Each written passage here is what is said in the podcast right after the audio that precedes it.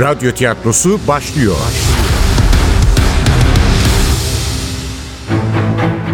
Kayıp Tanrılar Ülkesi 6. Bölüm. Eser Ahmet Ümit. Radyoya uyarlayan Safiye Kılıç. Seslendirenler. Anlatıcı Bora Sivri.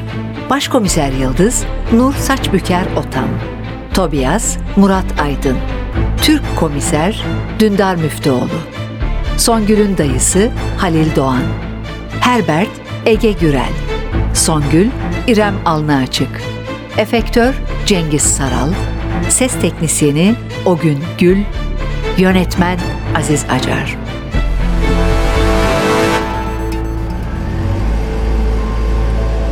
Aslında çok güzel hikaye. Bizim Herbert bir Türk kızına aşık olmuştu. Songül diye bir kız. Senin gibi buğday tenli değil, epeyce esmer. Uzun parlak siyah saçları, toprak rengi gözleri vardı kızın. Ela değil de nasıl söylesem Kehribar mı? açık kahverengi diyelim. Neyse, hoş bir kızdı. Bizim Herbert böylece ilk aşkını yaşamaya başladı. Songül de ilgisiz değildi. Kızın ailesinden habersiz görüşüyorlardı. Fakat Songül'ün babası aniden ölü verince işler değişti. Kalp krizi geçirmiş adamcağız. Hastaneye yetiştirememişler bile. Baba ölünce aile Türkiye'ye dönme kararı aldı. Herbert yıkıldı tabii. Çünkü gerçekten çok seviyordu Songül'ü. Fakat yapacak bir şey de yoktu. Zamanı gelince Songül annesi ve iki erkek kardeşiyle birlikte ülkesine döndü. Gel gör ki Herbert kızı unutmadı. O yaz çalışıp para biriktirdi. Sonbaharda uçağa atladığı gibi Türkiye'de kızın yaşadığı şehirde aldı soluğu.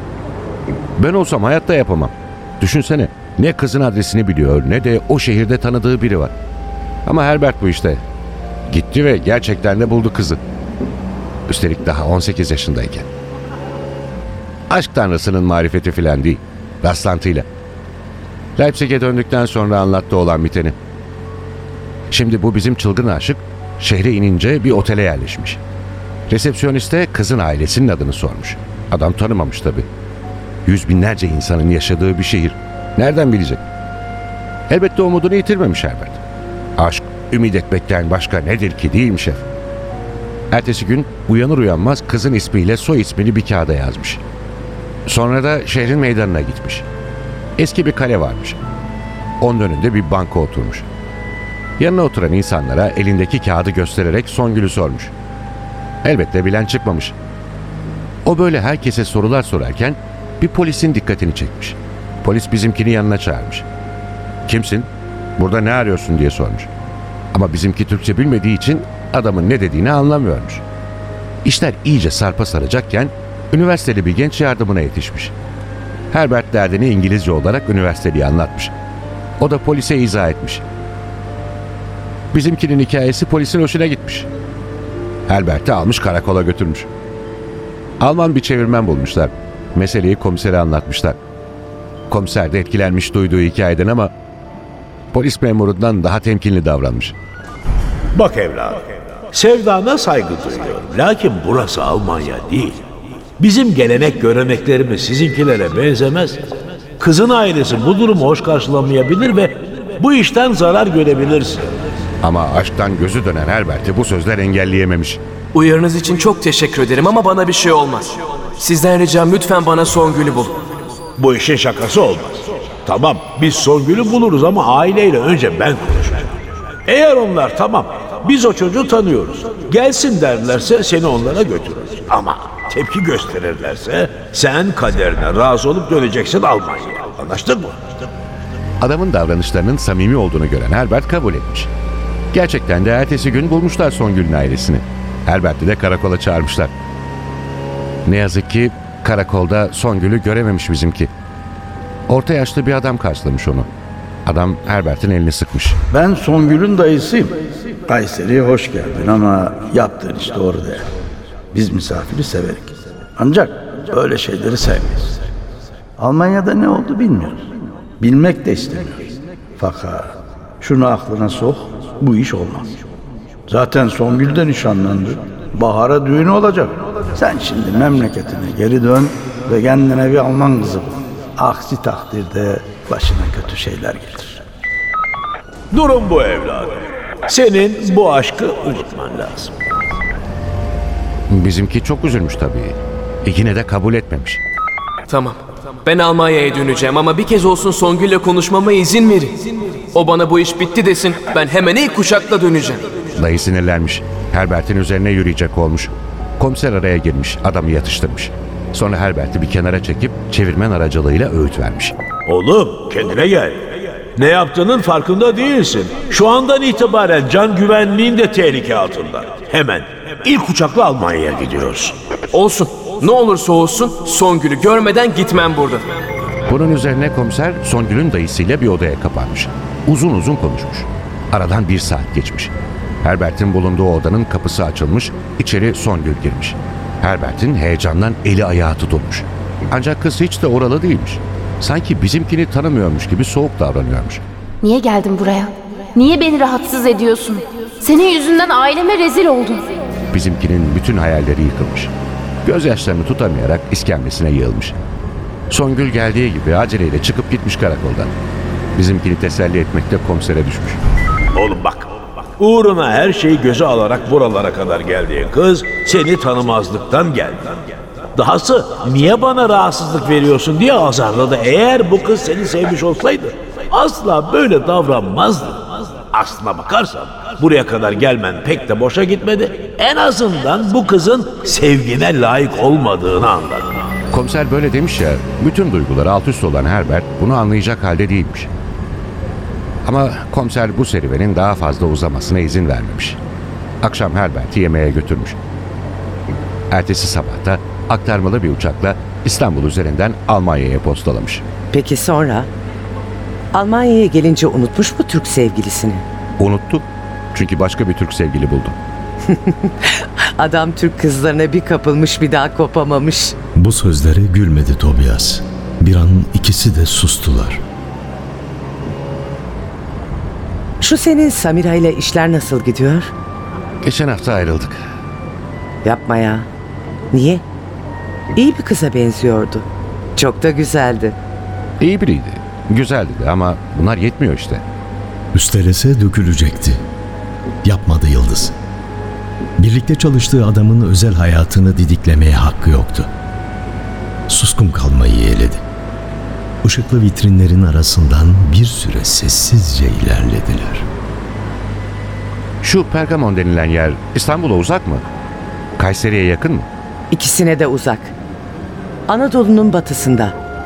Ege Denizi kıyısında kurulmuş antik şehirlerden biri. Fakat çok etkileyici. Sadece Zeus altarı değil, Pergamon antik şehrinin bugünkü hali de olağanüstü. Yüksek bir tepenin üzerine kurulmuş. Aşağıdaki ovaya olduğu gibi hakim. Saraylar, tapınaklar, tiyatro, kütüphane hepsi yıkılmış tabii. Yine de çok görkemli. Bir de Zeus altarı oradayken şehri gözünün önüne getir. Acayip bir görüntü. Mutlaka Türkiye'ye gidip şu şehri görmeliyim. Binlerce kilometre uzaktaki Türkiye'ye gitmeden önce 20 dakika uzaklıktaki Pergamon Müzesi'ne gitsen nasıl olur? Gerçi Zeus altarında da restorasyon varmış. Ama sonsuza kadar sürmez o iş. Evet, evet şef. Mutlaka gidip göreceğim şu altarı. Çok iyi olur. Ama sadece uğruna cinayet işlenen bir sunak olduğu için değil, bir zamanlar yeryüzünün 8. harikası sayılan benzersiz bir yapı olduğu için görmelisin. Pergamon, bütün insanlığın, hepimizin ortak mirası. Oraniyen Caddesi'ni iyi bilirdi Yıldız. Çocukken beş yıl bu semtte oturmuşlardı. Savaş sonrasından kalan terk edilmiş binalar vardı. Berlin duvarı buradan geçtiğinden tehlikeli bölge sayılıyordu. Kiralar çok ucuzdu. Ayrıca belediye de göçmen işçilerin burada oturmasını teşvik için özel kira indirimleri yapıyordu. Sonra buralar değer kazanmaya başladı. İşte o zaman zengin yatırımcılar binalara gözlerini diktiler. Ancak bu defa karşılarında protestocuları buldular.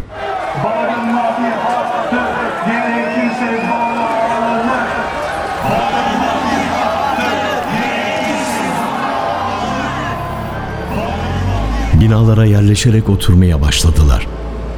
Ev işgalleri, sokak çatışmaları, barikatlar. Yıllarca süren bir mücadele. Ve sonunda Berlin'in en renkli yerlerinden birine dönüştü bu semt. Kreuzberg'in ortasında Türkler, Araplar, Almanlar, dünyanın her yanından gelmiş marjinal gruplardan oluşan rengarenk bir kültür adacığı. Kendi kendini yaratan tuhaf bir özgürlük havzası.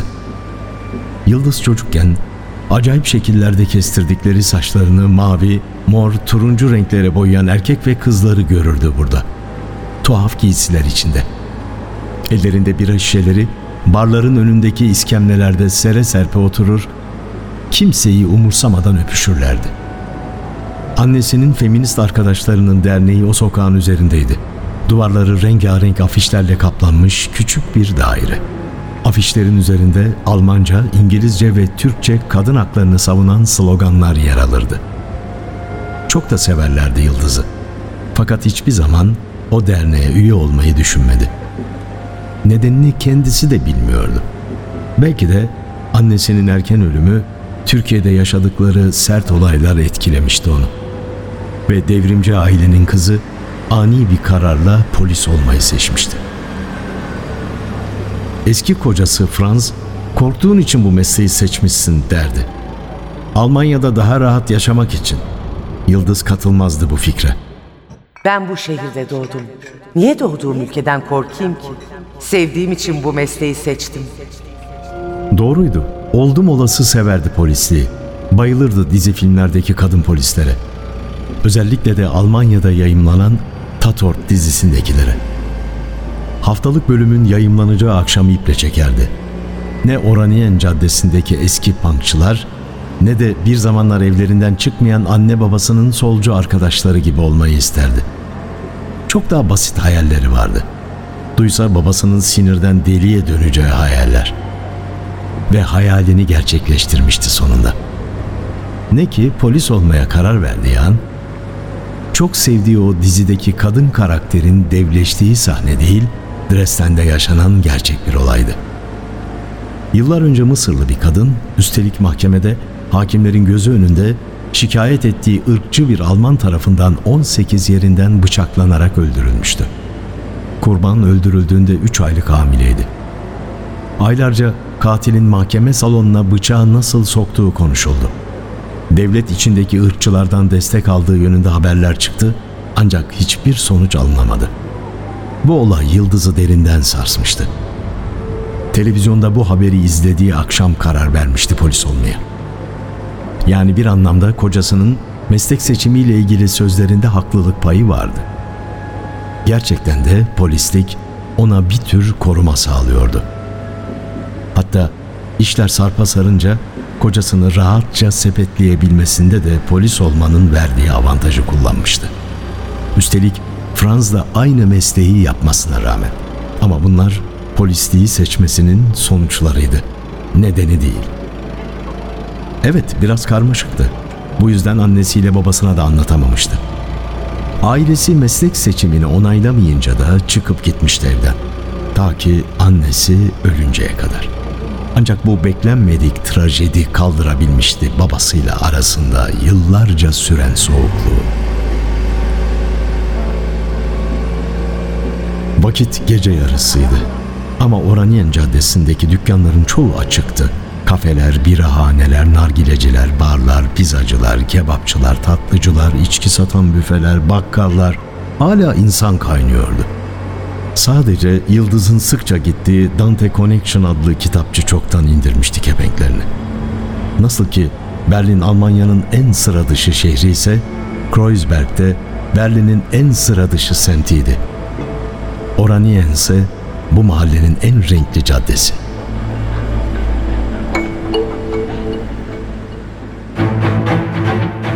Kayıp Tanrılar Ülkesi. Eser Ahmet Ümit. Radyoya uyarlayan Safiye Kılıç. Seslendirenler. Anlatıcı Bora Sivri. Başkomiser Yıldız Nur Saçbüker Otan Tobias Murat Aydın Türk Komiser Dündar Müftüoğlu Songül'ün dayısı Halil Doğan. Herbert Ege Gürel. Songül İrem Alnıaçık.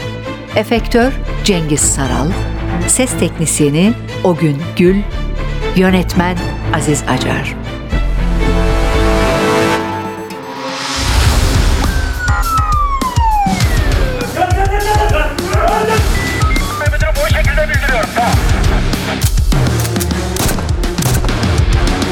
Radyo tiyatrosu sona erdi.